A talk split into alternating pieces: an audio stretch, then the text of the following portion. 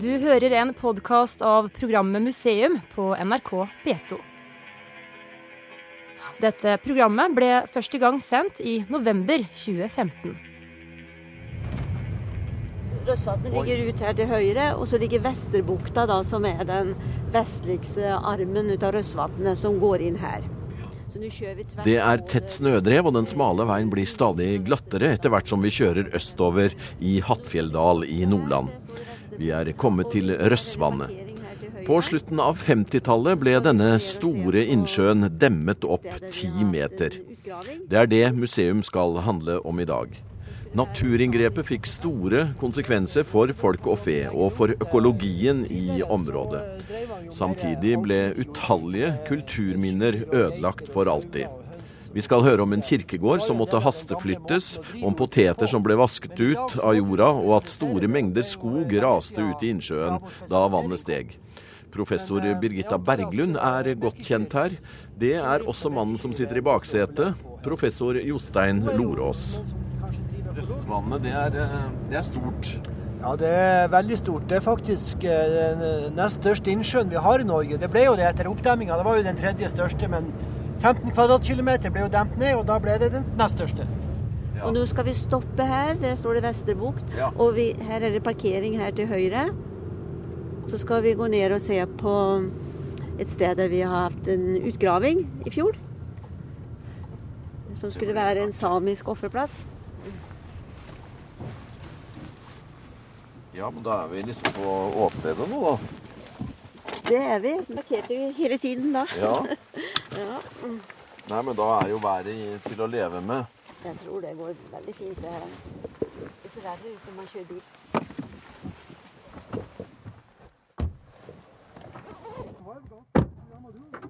Ja, nå er jeg begynner med det. meg. Det var ganske hustrig i dag, så Og det var kanskje det vi skjedde. Det skulle bli så fint vær i morgen. ja, det var det. Det var litt uheldig sånn sett, men eh, Jostein Lorås, du er, du er professor på Høgskolen på, på Nesna. Hvilken innfallsvinkel eh, faglig sett har du til, til Røssvannet? ja, jeg har jo historie som fag, og eh, har alltid vært opptatt av eh, lokalkulturen eh, rundt omkring i eh, dalføra og bygdestrøk her på Helgeland. og Røssvatnet er i grunnen et naturlig forskningsutgangspunkt, i og med at det er jo en veldig stor innsjø. Her er jo, eh, som det ble nevnt, ca. 100 gårder rundt denne innsjøen. Eller det var det i sin tid. Og eh, i hele tatt så er det jo den dimensjonene over det her naturinngrepet og eh, kan vi si kulturinngrepet i 1950-årene som er verdt å se litt nærmere på. Jeg starta vel opp her rundt ja, 1990 eh, på oppdrag av Statkraft, faktisk. Så jeg tok en 10-12 intervjuer av gårdbrukere, ja. Som da hadde stått midt oppe i begivenhetene på 50-tallet, som var aktive gårdbrukere, de aller fleste, og som da hadde førstehåndskunnskap om eh, de endringene og de store problemene og utfordringene de fikk i kjølvannet av reguleringa, og mens den, mens den holdt på. I dag er det høringsrunder og masse instanser. Det er mange prosesser som skal til for å få, for å få gjort noe sånt. Det var ikke sånn den gangen. Nei, Den gangen så var det bare å, å sette i gang uten å høre på folkemeninga rundt vann her. For det var jo egentlig en veldig stor skepsis til de planene som forelå. Og dessuten så trodde jo folk at det aldri kom til å bli noe av denne reguleringa av Røsvatnet. Selv om det sto i kontraktene at eh, de ikke kunne bruke denne jorda som var nærmest vannet. For det, det, når de begynte å kjøpe gårdene fra 1900 og fremover til 1950, så fikk de ikke lov å kjøpe det fra vannflata og ti meter oppover. For det var statens eiendom. Så eh, når det her da ble realisert eh, i tida etter krigen, eh, det var jo en del av Nord-Norge-planen, så, eh, så fikk jo folk se eh, det de aldri hadde trodd på, nemlig at vannet skulle reguleres og, eh, og demmes opp. Krafta skulle eh, da leveres til et bestemt tidspunkt, eh, til, særlig til aluminiumsverket i Mosjøen, som, skulle, som sto da eh, klar for produksjon i januar 1958. Under reguleringa så, så ble jo det her eh, fremskutt, den oppdemminga. For det er jo et, et sidevann som da ligger eh, på andre sida her, som ble heva litt mer, sånn at det ble ei stor flate, et stort sammenhengende magasin, Tustervatnet og Røsvatnet.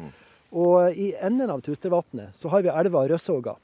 Og der stengte man da dammene uten at eh, de her eh, beboerne rundt Røsvatnet, det var jo utelukkende gårdbrukere, uten at de ble varsla. på forhånd. Det eneste var en liten annonse i lokalavisa om at damlukene skulle stenges på den og den datoen. Men mange leste jo ikke avisene, og de fulgte jo ikke med på den typen ting. Nei. Så det var ikke noe systematisk informasjon rundt omkring til gårdene her om at, om at eh, oppdemminga skulle skje et halvt år eller et år eh, før tida, altså at full oppdemming skulle nås. Det, og de hadde jo sådd, eh, sådd inn eh, gress, og de hadde sett potet osv. Og, så og så begynte vannet å stige, sånn at de kunne nesten se fra time til time der det var flatt. På eh, to måneder den sommeren 1957 så steg vannet altså fire meter. Og det er dramatisk mye når du skal leve av en ressurs som er knytta til eh, vannflata, altså landbakken oppover. Og eh, hus og bygninger, naust f.eks., og utløe og alle sånne typer ting, det ble jo da oppdemt. For de sto jo veldig nært vannflata. Sånn som vannstanden er i dag, dere, er, er, det, er det nesten en normalsituasjon? Dette er mer enn normalsituasjonen, normalsituasjon, altså, for nå flommer jo vannet innover eh, vegetasjonen her. Vi ser jo busker som står i vannet rundt oss. Og eh, det går jo oppover moloen et bra stykke. Ja. Sånn at magasinet her nå, det er veldig fullt. altså. Jeg tror aldri jeg har sett det så fullt som det er i dag. For det har jo regna nesten i hele sommer, og det har regna mye i høst også. Så det her er på en måte resultatet av det, den nedbøren som har gått Eh, her på Helgeland det eh, siste halvåret. Ja, så den egentlig opprinnelige strandlinja den er nå kanskje over ti meter ned? Jeg tror jeg er mer enn ti meter. Mer enn 10 meter. Ja, jeg har heller aldri sett eh, vannstanden så her høy. Nei. Nei. Uh, og rett ut her så ja. hadde vi den utgravingen ja, i 2000, ute, ute, i vannet. 2014. Vi kommer ikke lenger enn til akkurat her, hvor Nei. vi er i vannet faktisk. Nei. Og her er det altså flere store steiner eh, som de, de, ser karakteristiske ut og litt spesielle ut, og en stein er delt. Så det ser ut som en samisk offerplass. Det fins andre slike også her ved vannet, som ligner veldig på den. Blant en som kalles for Finnbrura, som ligger på den andre siden av Målån. Ja. Men altså, nå ser vi ingenting ut av den. Når vi grov den, da var det helt i snøsmeltningen, så vi måtte skotte vekk snø ja. når vi grov. Akkurat. Ja. Og, og, så hadde vi de høye steinene, og det var ute her. Og nå ser vi altså ingenting ut av det. Så ja. det er helt utrolig. Men vi har ikke fått dateringene her ennå, så, vi, så vi, vi, er litt i tvil om vi hadde noen spor etter den mulige offerplassen der. Det vet vi ikke ennå. Museum er ved Røssvannet i Hattfjelldal i Nordland. På 50-tallet ble sjøen demmet opp for å skaffe kraft til smelteverkene i Mosjøen og Mo i Rana. Professor Birgitta Berglund på Vitenskapsmuseet ved NTNU og professor Jostein Lorås ved Høgskolen på Nesna ønsker å få fram denne glemte historien. Naturinngrepet var et av de største i Nord-Europa i bebygd område. Hundre gårder og de mange hundre menneskene som levde av dem, betalte en høy pris for å gi Nordland elektrisk kraft. Det ble gitt en lav billighetserstatning for tapt jord, og de som mistet husene, fikk nye i erstatning. Men oppdemmingen er fortsatt et betent tema blant innbyggerne. Og ingen rakk å undersøke kulturminnene ved sjøen før vannet begynte å stige. Vi kan ikke grave opp alt. Det, vi må huske når vi snakker om utbyggingen her, at det her var veldig tidlig. Altså de tidlige kraftutbyggingens ja, historie også, da. Så det var først faktisk i sluttet på 50-tallet, tror jeg, i Øvre Telemark, at uh, de første undersøkelsene ble gjort i Norge ved kraftutbygging. Mm. Som ble betalt av oppdragsgiver. Ja. Og det var i Telemark. Og det var litt etter mønster fra Sverige. For da hadde man begynt med Norrlandsundersøkelsene i Sverige. Mm. Så det her var veldig tidlig.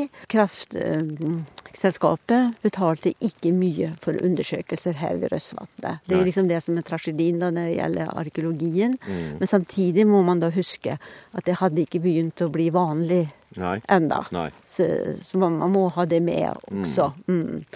Og det var da mm, arkeologen eh, Harald Egenes Lund, som var reisekonservator for museet, Vitenskapsmuseet i Trondheim, som dro hit i 56, 1956 var det, og skulle gjøre undersøkelser. Det var ikke mye penger han hadde. Men når han kom, så var oppdemmingen allerede i gang. Så det var liksom for sent redan da. Det begynte ja. før tida, ja. rett og slett? Ja, det gjorde det. Eh, ved Tustervatngårdene på nordvestsiden av Røsvatnet Ja. så var det en kirkegård som har blitt oppdemd. Og det er jo Man leser fortellingen om eh, da man flytta den kirkegården, så kan man bli ganske rystet. Det var 160 graver som ble flyttet lenger opp unna oppdemmingen. Eh, og det var de som gjorde arbeidet. Eh, de skal ha gjort det på akkord, så det gikk fort og galt for seg. Det var mye samer, mange samer. De fleste var samer, men det var også bumenn som ble flytta. Og det var, man som fant eh, samiske samer som var begravd i pulker og i utholdte trestammer. Det var hjemmelagde kister og så, som ble flyttet. Og det er en ganske brutal sak som gjorde inntrykk. Jeg har lest en rapport av Harald Egenes Lund om, om dette. Mm. Det Det der er, jeg må bare si at det der er jo veldig lite kjent. Det har jeg ikke hørt. Jeg vet jo at kirkegården var flytta, men jeg har ikke hørt at, eh, at det var hovedsakelig det samiske som var gravlagt der, og at det var gravlagt på tradisjonell måte i pulker, som de sier og sånn. Det, det, det var nytt for meg, og veldig interessant. I dag hadde vel man kalt det øh, skjending eller overgrep, eller hva en skal si. Ja, absolutt. Det hadde jo vært eh, det er liksom utenkelig i dag. Mm. Så det er veldig trist, og, og, og det gjorde veldig stort inntrykk for meg da jeg leste det. Kunne du gi oss et, bare et, et stort overblikk? Hva finnes det av, eh, av eh, forhistoriske og historiske eh, kulturminner i dette området? Det fins utrolig mye, så da, da må jeg snakke en stund. Jo, jo. Ja. Vi kan gå så lenge. Ja. Fordi, Ta det viktigste. Ja, vi skal gå, vi skal gå her. Ned her. Ja, Nå går vi ned i Løvverket. Nå begynner snøen å legge seg. Det snør. Ja. Det er den første snøen. Ja. Det var jo slik at, at eh, boplasser det ligger jo gjerne ved vannet. Og rundt Røssvatnet så har det vært mange boplasser helt eh, fra eldre steinalder. Helt kanskje fra isen forsvant her for 9000 år siden. Og det finnes konsentrasjoner innenfor en del områder. da. F.eks. i nordøstre delen ut av Røsvatnet, Nymoen, Rødlia-området, helt liksom nesten inn mot Sverige. Ja. Eh, så er det innsamlet eh, kassevis, fins det, med eh, kvarts og kvartsitt fra steinalderboplasser. Eller det har blitt innsamlet når eh, vannstanden er lav på Røsvatnet om våren. Mm. Når man har tappa ned vannet, Ja. og da kan strendene bli, bli blottlagt. Og der har folk holdt til da, i tusener av år. Og da kan det bli synlig. Eh, Da er ikke torven igjen, men det blir synlig i sånne her blottlagte områder. Ildsteder, eh, steder der man har suttet og laget redskaper fra steinalderen. Men også samiske ting kan man finne da. Ja. Ildsteder som har vært inne i, gammer eller telt og tufter og sånn. Så det er, det er store mengder av alt det her Akkurat. som blir blottlagt da. Ja. Og vi har veldig gode informanter her ved Røsvatnet. Eh, Vi har på nordøstsiden så hadde vi først Kåre Johnsen og hans sønn Bjarne Johnsen. Ja. Kåre Johnsen lever ikke nå, men Bjarne Johnsen har vært til uvurderlig hjelp når det gjelder uh, funnene i den delen av vannet, og der er det veldig store mengder funn. Ja, ja. Hva, hva finner man nå da? Man finner ildsteder, man finner eh, plasser der man har sittet og laga redskaper. Det er steinredskaper, det meste vi finner da. Mm. Eh, Ildstedene er nok samiske. Det er nok mer fra middelalder, tidlig nytid. Ja. Og ellers så er det det her eh, materialet veldig mye kvarts og kvartsitt. Så det er store mengder, og det er snakk om kassevis, altså, har det vært. Kåre Johnsen hadde samla opp utrolige mengder. da. Og det har jo kommet inn til museet nå, da, som blir ordnet og registrert og det skal bli bearbeidet. Det er bearbeiding på gang ut av det her materialet nå, så at det skal komme noe skikkelig ut av det. Og i denne enden ut av Rødsvatnet, det vi er nå, i Vesterbukta, så er det mm, Tvildal som eh, har samlet inn og kartfestet veldig nøye tilsvarende materiale her. Det går mye på stein i begge områdene. Kvarts, Eh, det fins også flint, som viser noe kontakt med kysten. Ja. Og keramikk. Asbestkeramikk. Og liksom råasbest og sånn, for det fins noe i områdene her. Så det, det, så det er litt av hvert. Ja. Eh, Det er òg funnet bronse fra bronsealderen, altså sånn 1800-500 før Kristus, på en liten holme som heter Småfannaholmen, som vi har fått melding om, og som vi har tatt inn til museet. Men en kan vel kanskje også si at eh, oppdemminga har ført fram mer materiale enn det kanskje ville blitt gjort uten. Det, det, kan du si. Det, det er noe riktig at det kunne ha blitt det. Materialet flytter på seg, så Ja. konteksten blir, Ja, blir blir borte. Det blir mer gjenstander. Men likevel så er vi veldig takknemlige for at det blir kartfesta og sånn når det blir funnet. At, at vi eller fylkeskommunen får melding, da, så at vi kan samle det inn på forsvarlig måte. Du, nå kommer vinteren her ved Røstvannet. Jeg så en kjøttmeis som febrilsk gikk oppover en bjerkestamme. Jeg vet ikke om han har gjemt noe mat eller gjemmer noe mat. Nå skjønner de vel at det går mot uh, hardere tider her. Ja, de hamstrer nok. Ja. Det er jo skletta, det er ikke ordentlig snø. Det er jo, eh, det er jo ikke tørrsnø. ja, nå er vi altså på, på tunet til Til Knut Tvildal og, og kona Nelly. Og det, det er tidsvitne i denne sammenhengen. Det er tidsvitner i det her, ja. De har bodd her i flere generasjoner. Vi skal inn der, skal vi gå. Nå skal vi. Ja, her er det granskog rundt. Flott stabbur med klokke til og med. Og så er det noen store eh, åser i jeg, Nå vet jeg ikke hvilken himmelretning eh, det er nå pga. været. Det er nok sørover den. Det er sørover, ja. Der er det noen kraftige åser. Så hei, hei. hallo, hallo. Vi valgte, vi valgte den rette dagen. Ja, det var den rette dagen. I morgen er det være klar sol. Ja, visst det var smart det går. I iallfall. Knut eh, Tvildal er pensjonert eh, bonde og en av de viktige informantene til Vitenskapsmuseet.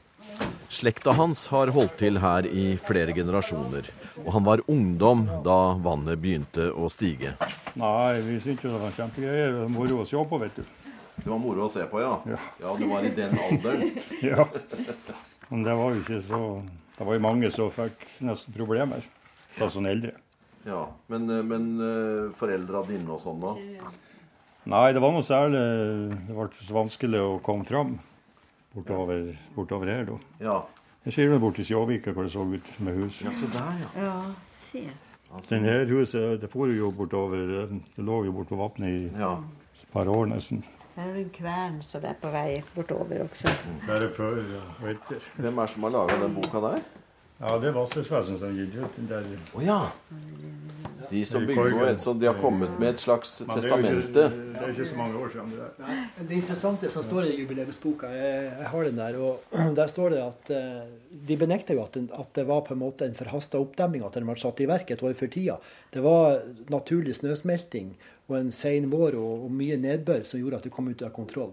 Men det stemmer altså ikke med mange andre kilder. Det er bare, det er bare spill for galleriet, det som står her. Akkurat. Det er min, det er min oppfatning. Jo, jo. Ja, men vi kan belegge det. Ja. Vi har jo, eh, museet, Vitenskapsmuseet har jo forsøkt senere å få penger til, fra Vassdragsvesenet til undersøkelser rundt Rødsvatnet. Ja. Det ble forsøkt eh, Jeg tror det var 1989. Ble det gjort ett forsøk, i hvert fall. ja. Og det Nei, det gikk ikke an. Det gikk ikke. Vi hadde betalt hele 1000 kroner til, eh, til undersøkelser i 1956. Å ja. 1000 kroner, du. 1116 kroner eller noe. Ja. Og, da var jo, og da var jo utbyggingen, eller oppdemmingen, var jo da i gang. Ja. Og senere har fylkeskommunen også forsøkt. Mm. Men ingen penger. Nei. Så den innsatsen nå som Knut Vildal og de gjør på Nymoen, har jo vært uvurderlig, da.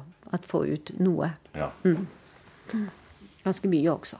Ja, men samtidig så kan jeg jo si at det kan ikke være riktig det at når det er så store dramatiske skader i et område som vi ser her, både økologisk og økonomisk, og selv om dette fører til Hægeland i en moderniseringsperiode og var grunnleggende viktig for de endringene som vi ser nå i dag, og høster fruktene av, så, så er det jo ikke riktig at det skal være frivillige som må bruke masse tid på å dokumentere historier rundt Røsvatnet, sånn som Knut Tvildal her. Det er jo et offentlig ansvar å dokumentere denne historien. Det er ikke et privat og et eh, frivillig initiativ som ligger bak. Det skal jo ikke være slikt. Men det her må være en av de sterkeste historiene som det sto der nå. Ja, ja, det her. Ja, se der, ja. Eh, For at andre skulle få velstand, så var det eh, holdt jeg på å si, livskraftige, seiliva samfunn her oppe som fikk, eh, fikk bøte for det. I høyeste grad. Det, det må man kunne si. Og som jeg sa, så bodde jo de fleste her i en eh, selvforsyningsøkonomi. ikke sant? Ja. De var jo veldig opptatt av å bruke ressursene rundt seg for å overleve. Hele deres eksistens var jo tufta på lokale ressurser. Ja. Og når du får da både skogen blir demt ned, Ja. ikke sant? eh, fiske forsvinner, og moltemyrer og rypeplasser der du setter opp snarene, og så eh, Utslåtten, de høster jo mye gress på utmarka, Ja. i, i, på, i, på myrene osv. Når alt det her på en måte forsvinner, ikke sant, ja, blir ødelagt, så, så er det en, en økonomisk knekk av dimensjoner, samtidig da, som det er estetisk og følelsesmessig rundt det her. Å se livsverkene Ja. forsvinne i vannmassene. Ja. Og det er lite undersøkt. altså. Hva gjør det her med mennesker ikke sant, ja, når, når livsverket forsvinner ikke sant, mm. over en veldig kort periode? Dramatiske endringer. og Det er jo ikke uten grunn at det blir hevda at det er Nord-Europas største regulering i bebygd område. Akkurat. Mye av det, den nordnorske økonomien var jo bygd opp rundt det man kaller for småtteriet. Ikke sant? Og det småtteriet det skulle bort. Det var store produksjonsenheter. Folk skulle over fra primærnæringene, fra eh, det her eh, såkalte puslete husholdsøkonomien, over til å bli lønnsarbeidere. Med, med, som da økte bruttonasjonalprodukt noe enormt gjennom det at det ble eksportvarer ut av det. Preger det fortsatt, eller er det blitt historie? Ja, Det er ikke noe positivt å se på det her rundt. Det vil jeg nå si. Det er noe ganske, ganske negativt. Ja. Men det finnes jo småidyller, det gjør det jo selvfølgelig rundt. Men det er lite sansrenner å se. ja. Mest bare gjørme og leirsuppe. Det eneste positive er det var gratis utgraving gått ut av fra steinalderen. ja. Ja. Men, men, men fikk, fikk folk strøm her oppe, da? ja, det gikk sakte, det. De var de siste som fikk rundt her. Her i Pepplingdalen, kanskje. Var det det? Ja, sånn rundt eh, ja, 60. Akkurat. 60-61. Men de mer urbane strøk fikk altså strøm eh, fort. Ja, atskillig tidligere enn eh, folket som bodde rundt Røsvatnet, som måtte betale omkostningene med reguleringa. Ja. Og særlig Nordøsvatnet helt på andre sida i Hemnes kommune. Der fikk de vel ikke strøm for i 67, tror jeg. Knut eh, Tvildal har eh, gjort noe positivt ut av det som rammet samfunnet rundt Røsvannet for eh, snart eh, 60 år siden. Han bruker tiden i naturen, og hver gang Røsvannet er på sitt laveste, leter han etter fortidsminner i den opprinnelige strandsonen. Det blir betydelige mengder både med pilspisser og skraper som er mange tusen år gamle, og som han gir videre til eh, Vitenskapsmuseet. Å ja. Ja. ja. Spennende. Skal vi se på det? Ja, det må vi gjøre. Eller skal vi ikke gjøre det? Ja, ja, litt det kanskje er litt dumt. Så det er du som er eh, arkeolog her nå da, og driver Nei, utgraving? nei, det er bare sånn Ikke akkurat narkolog. Oi, oi, oi. Stor spydspiss her i hver sitt. Her ligger det nedskrevet ordentlig pose. Vi har vel vært inne på det, at uh, det, dette er jo ukjent for folk flest. Eh, har du sett det som din oppgave nå å få, få denne historien ordentlig fram?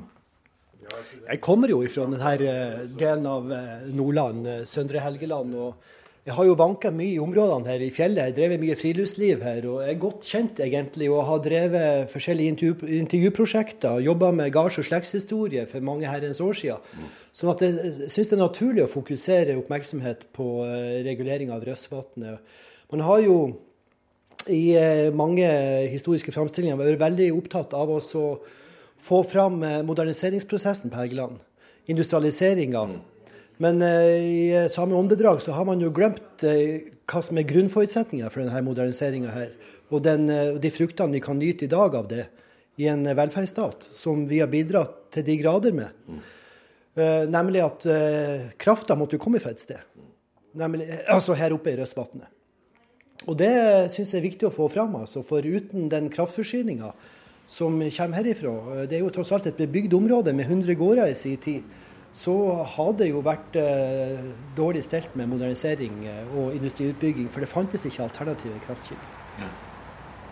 Nå har vi kommet ned fra fjellet, og alt det som skjedde der oppe, det hadde jo én eh, hensikt. Og det var å skape arbeidsplasser. Og nå står vi her ved aluminiumsverket i, i, Mosjøen. Det er stort og delvis eh, moderne og fint. Det var nok ikke sånn den gangen på 50-tallet? Nei, da var det bare et elvedelta akkurat her vi står nå.